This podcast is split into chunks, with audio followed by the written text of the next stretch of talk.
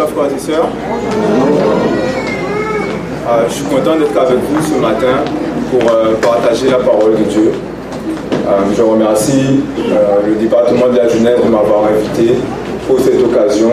Je remercie l'Église, je remercie le groupe Point Voice, je remercie mon cher frère Loïc pour ces chants édifiants. je me présente, je m'appelle Ludovic.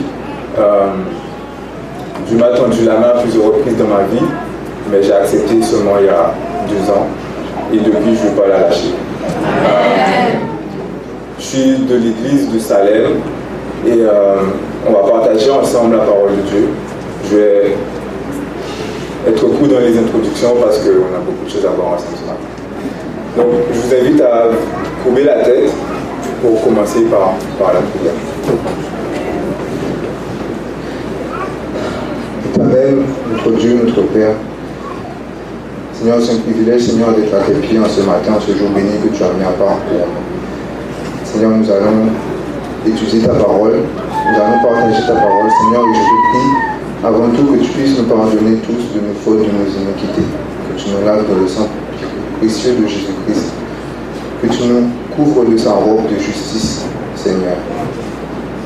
Père, je te prie que tu puisses me cacher, que tu puisses crucifier l'orgueil, l'ego, que tu mettes les paroles dans ma bouche afin d'édifier ton peuple, ton Église, la jeunesse de ton Église que tu aimes tant, que tu aimes tant, que tu as donné Jésus-Christ pour nous. Entends cette prière de cela, dispose nos cœurs afin que nous puissions contempler les merveilleuses lumières de ta parole. Au nom de Jésus. Amen. Donc, ce qu'on va faire aujourd'hui, c'est qu'on va on va regarder un peu l'église primitive dans Acte 2. Ensuite, on va regarder un peu les apôtres dans l'évangile Matthieu, Marc et Jean. On va voir qu'il y a une différence flagrante dans leur vie, dans leur, dans leur relation avec Dieu. On va essayer d'analyser qu'est-ce qui s'est passé pour que nous aussi, nous puissions euh, vivre la même expérience. Donc, est-ce qu'on est ensemble? Ok, j'ai pas l'impression qu'on est ensemble. Amen. Ok. Donc on va aller dans Acte 2, chapitre, Acte chapitre 2, verset 42. Qui nous donne une description de l'activité de l'Église euh, primitive après la Pentecôte, qui nous dit ceux qui, acceptèrent ceux qui acceptèrent sa parole furent baptisés et en ce jour-là, le nombre de disciples s'augmenta d'environ 3000 âmes. Ensuite, là, on a ce qu'il faisait. Il persévérait dans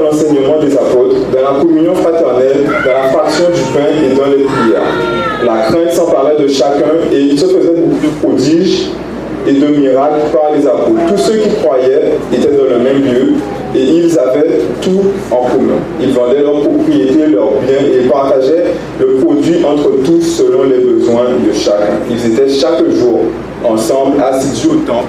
Ils rompaient le pain dans les maisons et ils prenaient leur nourriture avec joie et simplicité de cœur, louant Dieu et trouvant grâce auprès de tout le peuple. Et le Seigneur ajoutait chaque jour à son Église ceux qui étaient sauvés. Donc là, on a une description d'une Église forte, d'une Église qui a un impact dans sa communauté parce que chaque jour des âmes étaient sauvées et des âmes venaient à l'église. Une église dans laquelle l'étude de la parole de Dieu était le fondement. Parce qu'il persévérer dans l'enseignement des apôtres, dans l'enseignement de Jésus-Christ. Une église dans laquelle la, la communion fraternelle était réelle. Une église dans laquelle un frère sacrifiait ce qu'il avait pour son autre frère. Alors, l'église primitive était remplie du Saint-Esprit.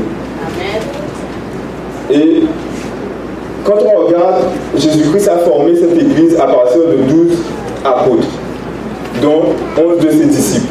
Et j'ai regardé un peu les disciples avant la, avant, avant la Pentecôte et je me suis rendu compte, on va, on va, on voir Dans Matthieu 26, verset 40 à Gethsemane, alors que Jésus-Christ avait besoin de ses disciples, quand il est revenu, il dormait. Quand Jésus parle à Pierre, il dit à Pierre, j'ai prié pour toi afin que lorsque tu seras converti, tu fermé, tu fermé tes frères. C'est en gros, Jésus-Christ en train de dire à Pierre, mais tu n'es pas converti. Ensuite, lorsque, les disciples de Jésus-Christ retournaient à Capernaum, sur, sur le trajet, les disciples, il y avait une contestation entre les disciples qui se demandaient qui sera le plus grand. Alors chacun, chacun veut être le plus grand dans le royaume de Jésus-Christ. Ensuite, euh, Jacques et Jean, ils vont voir Jésus-Christ, puis ils demandent à Jésus-Christ, est-ce que je pourrais avoir une place spéciale à côté de toi? Donc quand, quand, on fait la somme de tout ça, on a des disciples orgueilleux, égocentriques, remplis d'ambitions terrestres, remplis d'eux-mêmes, prétentieux, présomptueux, dans lesquels il n'y a pas d'unité, en fait, dans lesquels il n'y a pas de communion fraternelle parce que l'un veut être plus grand que l'autre, euh, parce que l'un veut être, euh, être au-dessus de l'autre. On a des disciples qui sont spirituellement morts parce que dans une situation où il fallait rester en prière, ils dormaient. On a des disciples qui n'ont pas compris l'importance de la grâce de Dieu, du pardon, comme Marie a compris la valeur de ce que Dieu, euh, de ce que Jésus-Christ a fait pour elle. Alors, je me suis posé la question, comment ces disciples ont pu être les pionniers de l'Église primitive? Comment des hommes euh, que Paul décrit comme charnels dans 1 Corinthiens 3, verset 3, Paul dit, il y a des disputes et des divisions parmi vous, euh, n'êtes-vous pas charnel Donc Paul décrit les disciples, en gros, comme à l'époque, comme des hommes charnels. Et je me demande, mais comment des, hommes charnels peuvent être les piliers d'une église aussi spirituelle, aussi forte, euh, telle que l'église primitive a été? Pourquoi j'ai choisi ce, ce sujet? Parce que au mois de mars, j'étais venu à Béthanie et le pasteur de Béthanie, il avait posé des questions. Qu'est-ce que Béthanie a besoin? Et je ne savais pas qu'est-ce que j'allais partager avec vous ce matin. Et quand j'ai entendu les réponses, je me suis dit, ah mais si on dirait que Béthanie veut devenir comme l'église primitive. On dirait que ce que Béthanie désire, c'est avoir une église forte, avoir une jeunesse forte. Et ça m'a fait tout de suite penser à l'église primitive. Et, euh, j'avais partagé une dévotion euh, avec le, groupe Jaffa. Ça m'a fait penser à cette dévotion-là. Je me suis dit, je vais partager ça avec Béthanie ce matin. Vous connaissez les œuvres de la chair dans Galates 5, verset 20, les divisions, les querelles, les rivalités, les dissensions. Alors, les disciples manifestaient tout cela. Et c'est facile de nous reconnaître, vous et moi, dans, la vie des disciples. Parce que je regarde Pierre et je vois, même Pierre était un peu présomptueux, orgueilleux et parfois ben, c'est un, trait de caractère manifesté. Et chacun de nous, peut-être, en regardant la vie des disciples, on peut, s'identifier un un peu à eux. Alors, qu'est-ce qui caractérise, qu'est-ce qui caractérise la différence entre un chrétien charnel et un chrétien spirituel? Euh, Helmut obéit dans le livre Pas à pas de l'enriveil spirituel, il dit le chrétien spirituel est rempli du Saint-Esprit et le chrétien charnel ne l'est pas. Ou ne l'est pas suffisamment. Et un auteur chrétien qui décrit l'état de l'Église aujourd'hui, qui décrit l'état des, membres d'Église euh, aujourd'hui, il dit si le Saint-Esprit avait été retiré de l'Église d'aujourd'hui, 95% de ce que nous faisons, nous continuerons à le faire sans même se rendre compte que, le Saint-Esprit s'est retiré de son Église. Alors que si le Saint-Esprit s'était retiré de l'Église à l'époque de l'Église primitive, 95% de leur activité aurait cessé et tout le monde se serait rendu compte que l'Esprit de Dieu s'est retiré au milieu d'eux en fait. Alors, nous qui sommes parvenus à la fin des temps, nous disons attendre la pluie de l'arrière-saison, mais Comment nous pouvons attendre la pluie de l'arrière-saison quand nous n'avons pas reçu la pluie de la première saison? Comment chaque, chacune de ces pluies a ses rôles et si nous n'avons pas reçu la première, nous ne pourrons pas recevoir la deuxième.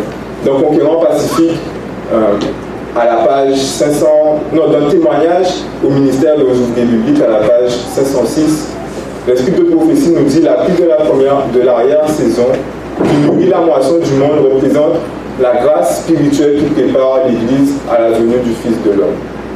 Mais à moins que la, pluie ne soit, la première pluie ne soit tombée, la semence demeurera sans vie, la jeune pousse verte ne se lèvera pas, Si les premières averses n'ont pas accompli leur œuvre, la pluie de la première saison ne le fera pas.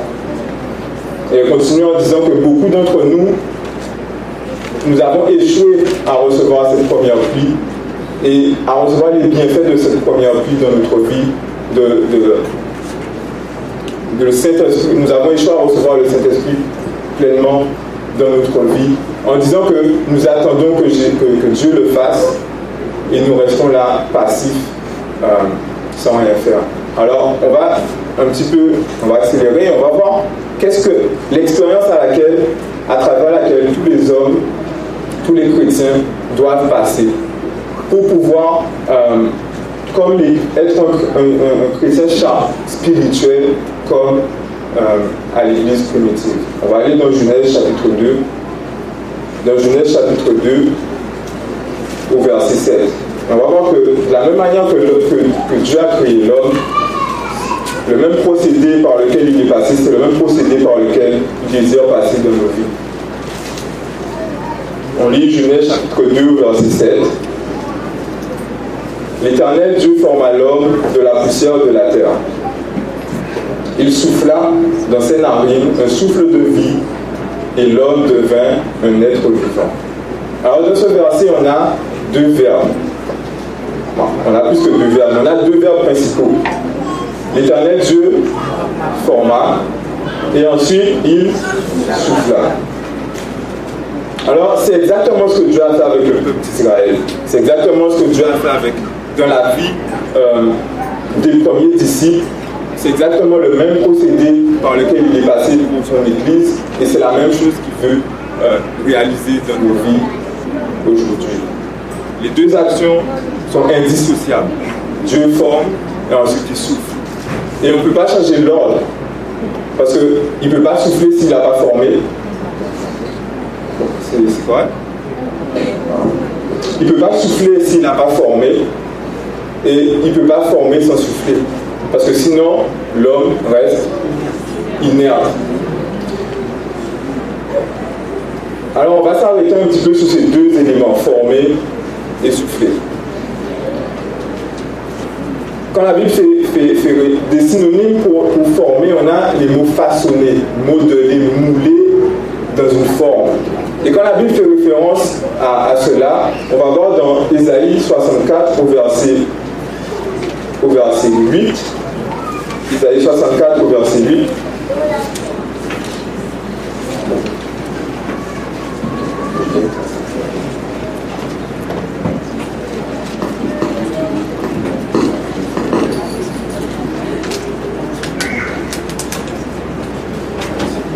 On va lire dans Ésaïe 64 au verset 8, qui nous dit Or maintenant, éternel, tu es notre Père, nous sommes l'argile, tu es celui qui nous a formés.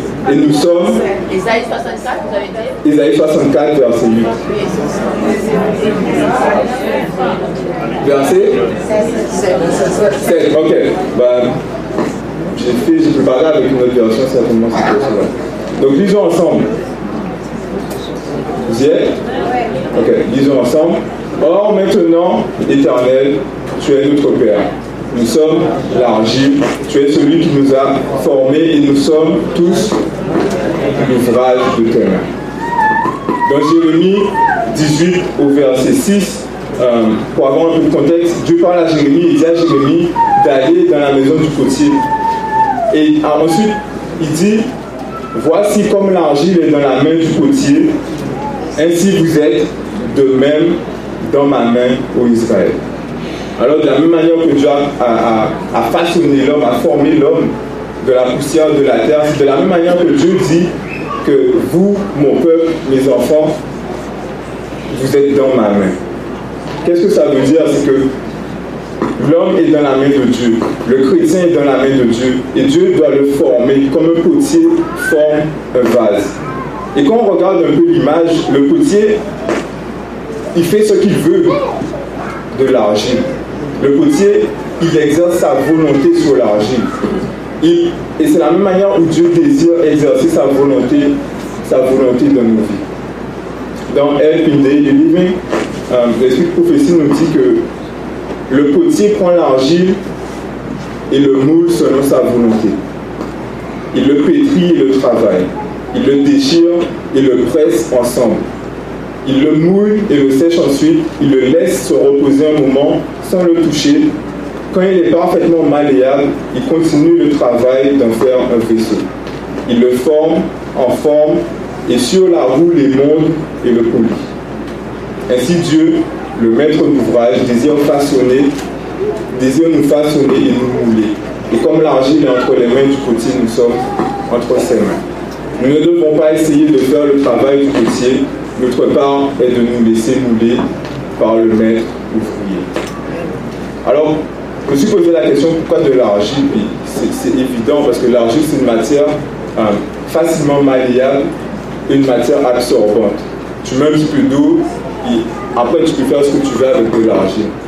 Et c'est pour cela que Dieu, Dieu prend cette analogie pour nous montrer que nous devons être malléables entre ses mains. Malheureusement, ce n'est pas toujours le cas. Et c'est l'une des raisons pour laquelle euh, nous sommes si faibles euh, et si charnels spirituellement. Dieu donne une, fait une déclaration dans Ésaïe 45 au verset 9. Je vous invite à y aller. Euh, je vais lire dans la version sommaire, je trouvais qu'elle faisait plus de sens aujourd'hui. Et Dieu dit il parle de quelque chose qui est absurde. Il dit Malheur à qui conteste avec son Créateur Qu'es-tu de plus qu'un pot de terre parmi des pots de terre? L'argile dira-t-elle à celui qui, la forme?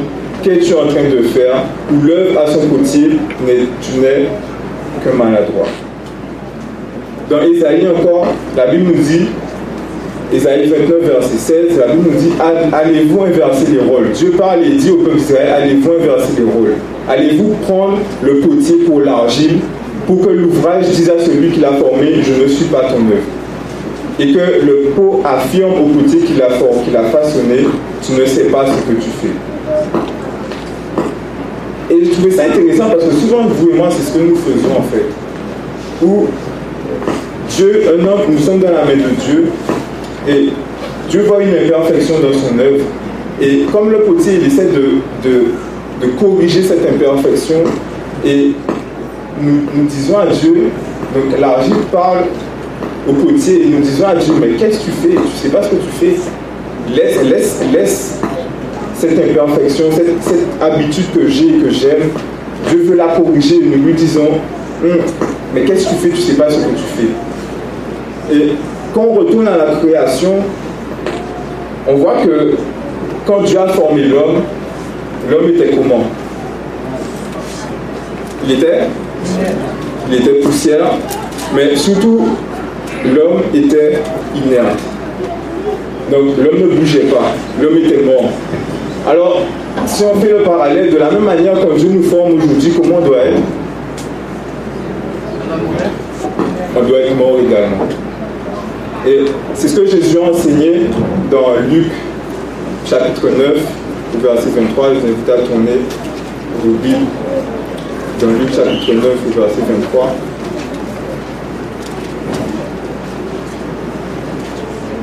Il dit aux disciples,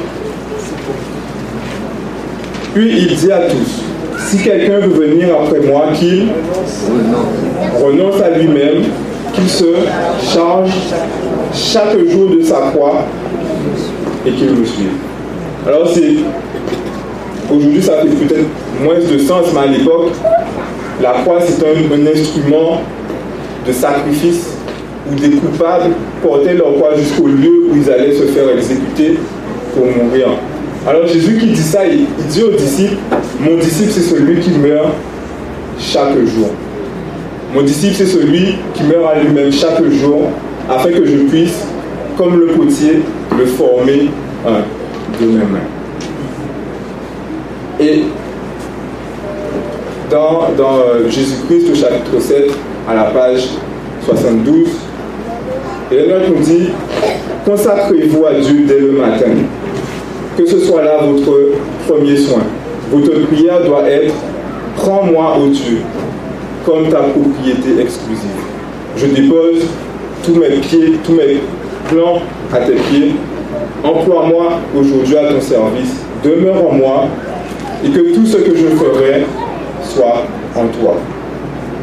Et c'est là une affaire quotidienne, frères et sœurs, où tous les jours nous devons quotidiennement nous humilier devant Dieu, nous soumettre à ses plans, comme l'argile se soumet euh, au quotidien. Et elle continue en disant, en vous consacrant à Dieu chaque jour, votre vie sera de plus en plus façonnée sur celle de Jésus-Christ. Et comme le potier sait déjà ce qu'il veut faire avec l'argile, de la même manière, Dieu sait déjà ce qu'il veut faire avec nous. Il veut nous modeler, nous façonner à l'image de Jésus-Christ. Il veut mettre en nous le caractère de Jésus-Christ, la pureté de son amour et la pureté de son caractère. Elle continue en disant, votre seul chemin est de vous livrer sans réserve aux mains de Jésus-Christ. Toutes vos expériences, toutes vos tentations, toutes vos épreuves, toutes vos impulsions, et que le Seigneur vous façonne comme l'argile est moulée dans les mains du petit. Vous n'êtes pas, pas des vôtres, vous n'êtes pas vôtre, et par conséquent, il y a la nécessité de donner votre partie ingérable entre les mains de celui qui est capable de vous gérer. Et c'est seulement ce sacrifice que Dieu, seulement cette consécration que Dieu accepte, frères et sœurs. C'est seulement lorsque l'homme meurt à lui-même que Dieu est en mesure de le former, de lui donner un même esprit, un même cœur, une même intelligence. Et c'est cette expérience que les apôtres ont vécue dans Acte 1 au chapitre 14, euh, dans Acte chapitre 14, chapitre 1 au verset 14, où il dit tous d'un commun, tous ceci persévéraient d'un commun accord dans la prière. Quand on regarde le mot accord, c'est dans un même esprit, même, tous persévéraient de même cœur. Et c'est seulement lorsque nous nous laissons façonner par Dieu, lorsque nous nous abandonnons entre les mains de Dieu, que Dieu nous conduit à être de même accord. Et qu'est-ce que ce même accord est? C'est refléter le caractère de Jésus-Christ. Refléter les pensées qui étaient en Jésus-Christ. Comme Jésus-Christ a dit, cherchez premièrement le royaume de cieux. Et lorsque les disciples étaient de même accord, ils ont mis à côté toute leur division, tout, leur orgueil, tout leur égout. Et leur seul objectif, alors qu'ils étaient dans les mains du Maître, c'était de refléter le caractère de Christ et de faire avancer, euh, de rechercher son royaume. Et la deuxième, la deuxième phase, qu'est-ce que Dieu fait après avoir formé? Est-ce qu'on est ensemble? Lorsque Dieu, après avoir formé, Dieu souffle. Et c'est seulement justement lorsqu'il a fini de former qu'il souffle. Et son souffle produit la vie. Le souffle de Dieu produit la vie. Et il nous dit dans Éphésiens chapitre 5, au verset 18, Éphésiens chapitre 5, verset 18, Est-ce que vous y êtes? Il dit ne vous, enivrez, ne vous enivrez pas de vin. C'est de la débauche. Soyez au contraire est-ce que je suis tout seul? Oui, rempli de l'esprit. Soyez au contraire remplis de l'esprit. Alors Dieu nous a promis euh, son Saint-Esprit. Et c'est intéressant qu'ils disent rempli de l'esprit parce que, comme on a vu dans, dans Ésaïe, Dieu, Dieu parle des hommes comme un vase. Nous sommes des vases dans, dans 2 Corinthiens chapitre 4, il dit dans des vases de terre. Euh, contiennent ce trésor. Et c'est intéressant parce que qu'est-ce que Dieu veut, vous déverser sur son peuple Son Saint-Esprit? Et comment, quelle image que Dieu utilise? Il utilise la pluie. La pluie. Et nous, nous sommes des vases. Et Jésus-Christ nous dit de, Paul nous dit d'être rempli du Saint-Esprit.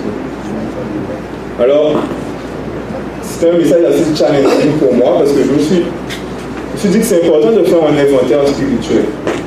C'est important de savoir si, si nous sommes dans cette démarche de croissance, si nous sommes constamment euh, dans cette démarche d'être remplis de l'Esprit de Dieu.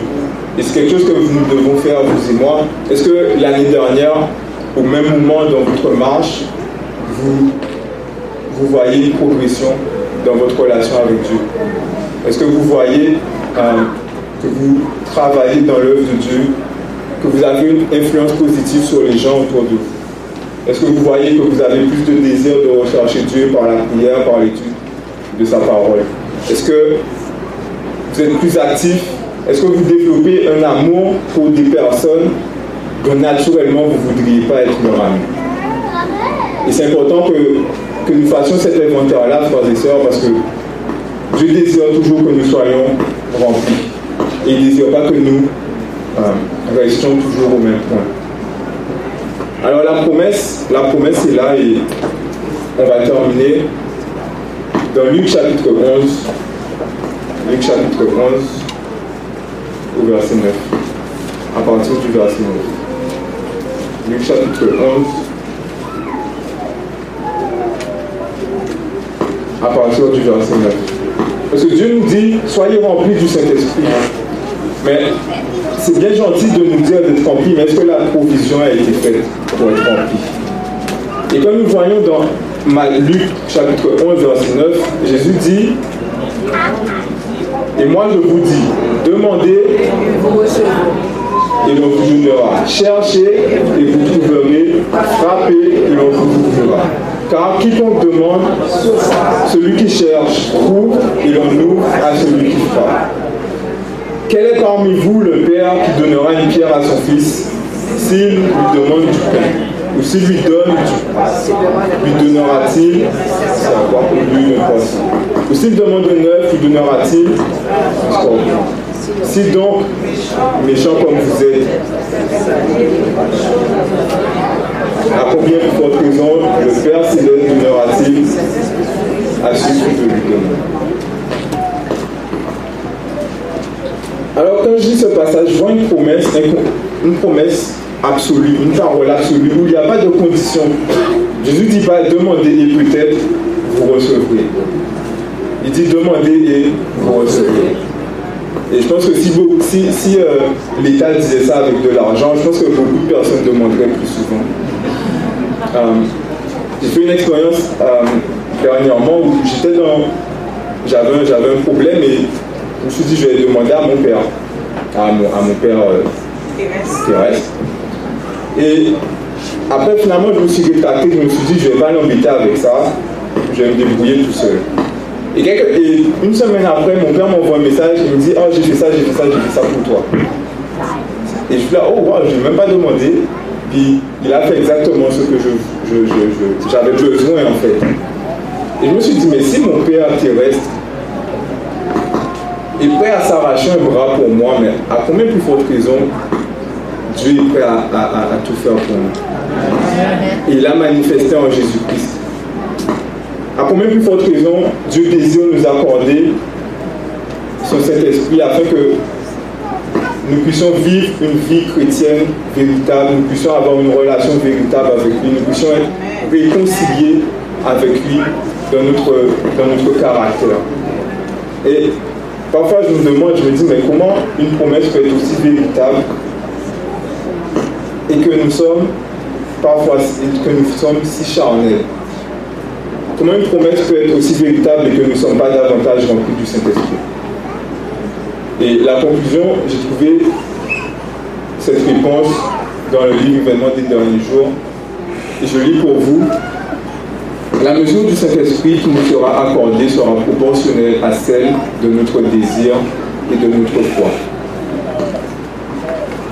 Il dit, nous ne sommes pas suffisamment désireux de déranger le Seigneur par nos demandes, afin de recevoir de lui le don du Saint-Esprit. Le Seigneur souhaite que nous l'importunions à ce sujet. Il désire que nous assiégeons son trône de nos prières, afin qu'il nous donne son Esprit Saint. Alors pourquoi, pourquoi nous sommes si réfractaires à demander à Dieu notre Saint-Esprit? Alors que la promesse est là, la promesse est véritable. Et j'avais intitulé le message Le plus grand besoin de Bethany. Notre plus grand besoin notre plus grand besoin, c'est de passer à travers cette expérience de la création où Dieu a formé, il a formé un être inerte, un être qui était complètement malléable entre ses mains. Et après avoir fini de le former, il a soufflé son esprit pour lui donner la vie. Et c'est cette expérience que nous devons euh, vivre chaque jour, où nous devons mourir à nous-mêmes chaque jour afin de revivre par l'esprit de Dieu qui demeure en nous. Et on dit souvent dans, les, dans, dans, dans nos églises, parce qu'on parle souvent de l'église entière, on dit souvent que tout le monde veut du changement. Quand on dit est-ce que vous voulez du changement à Salem, tout le monde dit oui, est-ce que vous voulez du changement à Béthanie, tout le monde dit non. Mais quand Dieu nous dit est-ce que tu veux changer, on dit oui, oui, à Béthanie. Mais quand Dieu nous dit personnellement à chacun d'entre nous, est-ce que toi tu veux changer? Là, on n'est plus réfractaire à Dieu. Quand Dieu nous dit cette habitude qui, t'éloigne de moi, je veux l'enlever, je veux te réformer afin de te modeler au caractère de Christ, nous sommes réfractaires à Dieu. Et souvent, on attend que l'Église entière soit réveillée, soit remplie du Saint-Esprit, alors que nous, de manière individuelle, nous ne sommes pas à genoux en train de prier et rechercher la face de Dieu, en train de nous abandonner quotidiennement entre ses mains.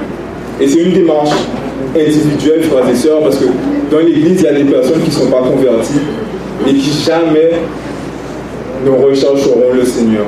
Alors si nous attendons que toute l'Église en entière le fasse, eh ben, nous allons attendre longtemps. Parce que Dieu, Dieu est un Dieu de la relation où chaque personne individuellement doit rentrer dans son œuvre et doit rechercher individuellement l'Esprit de Dieu dans sa vie. Alors, euh, je vais finir ici et je vais faire un appel pour, euh, pour prier. Où je vais vous inviter à laisser Dieu vous mouler, à laisser Dieu façonner votre vie. Certainement, vous avez quelque chose dans votre vie où vous vous rendez compte que, que Dieu vous appelle à, à changer. Dieu vous appelle à, comme le potier veut réformer vous, il veut vous ramener dans le droit chemin afin de, de mettre en vous le caractère de Jésus-Christ. Il y a un auteur qui dit il n'existe pas de limite à l'efficience de celui qui, mettant son moi de côté, permet au Saint-Esprit d'agir dans son cœur. Il mène une vie entièrement consacrée à Dieu. Alors c'est l'invitation que je vous lance ce matin. Et si vous voulez répondre à cette invitation, si vous voulez vous, abandonner entre les mains de Dieu, je vous invite à vous mettre à genoux avec moi. Et, et nous allons prier ensemble. Come on.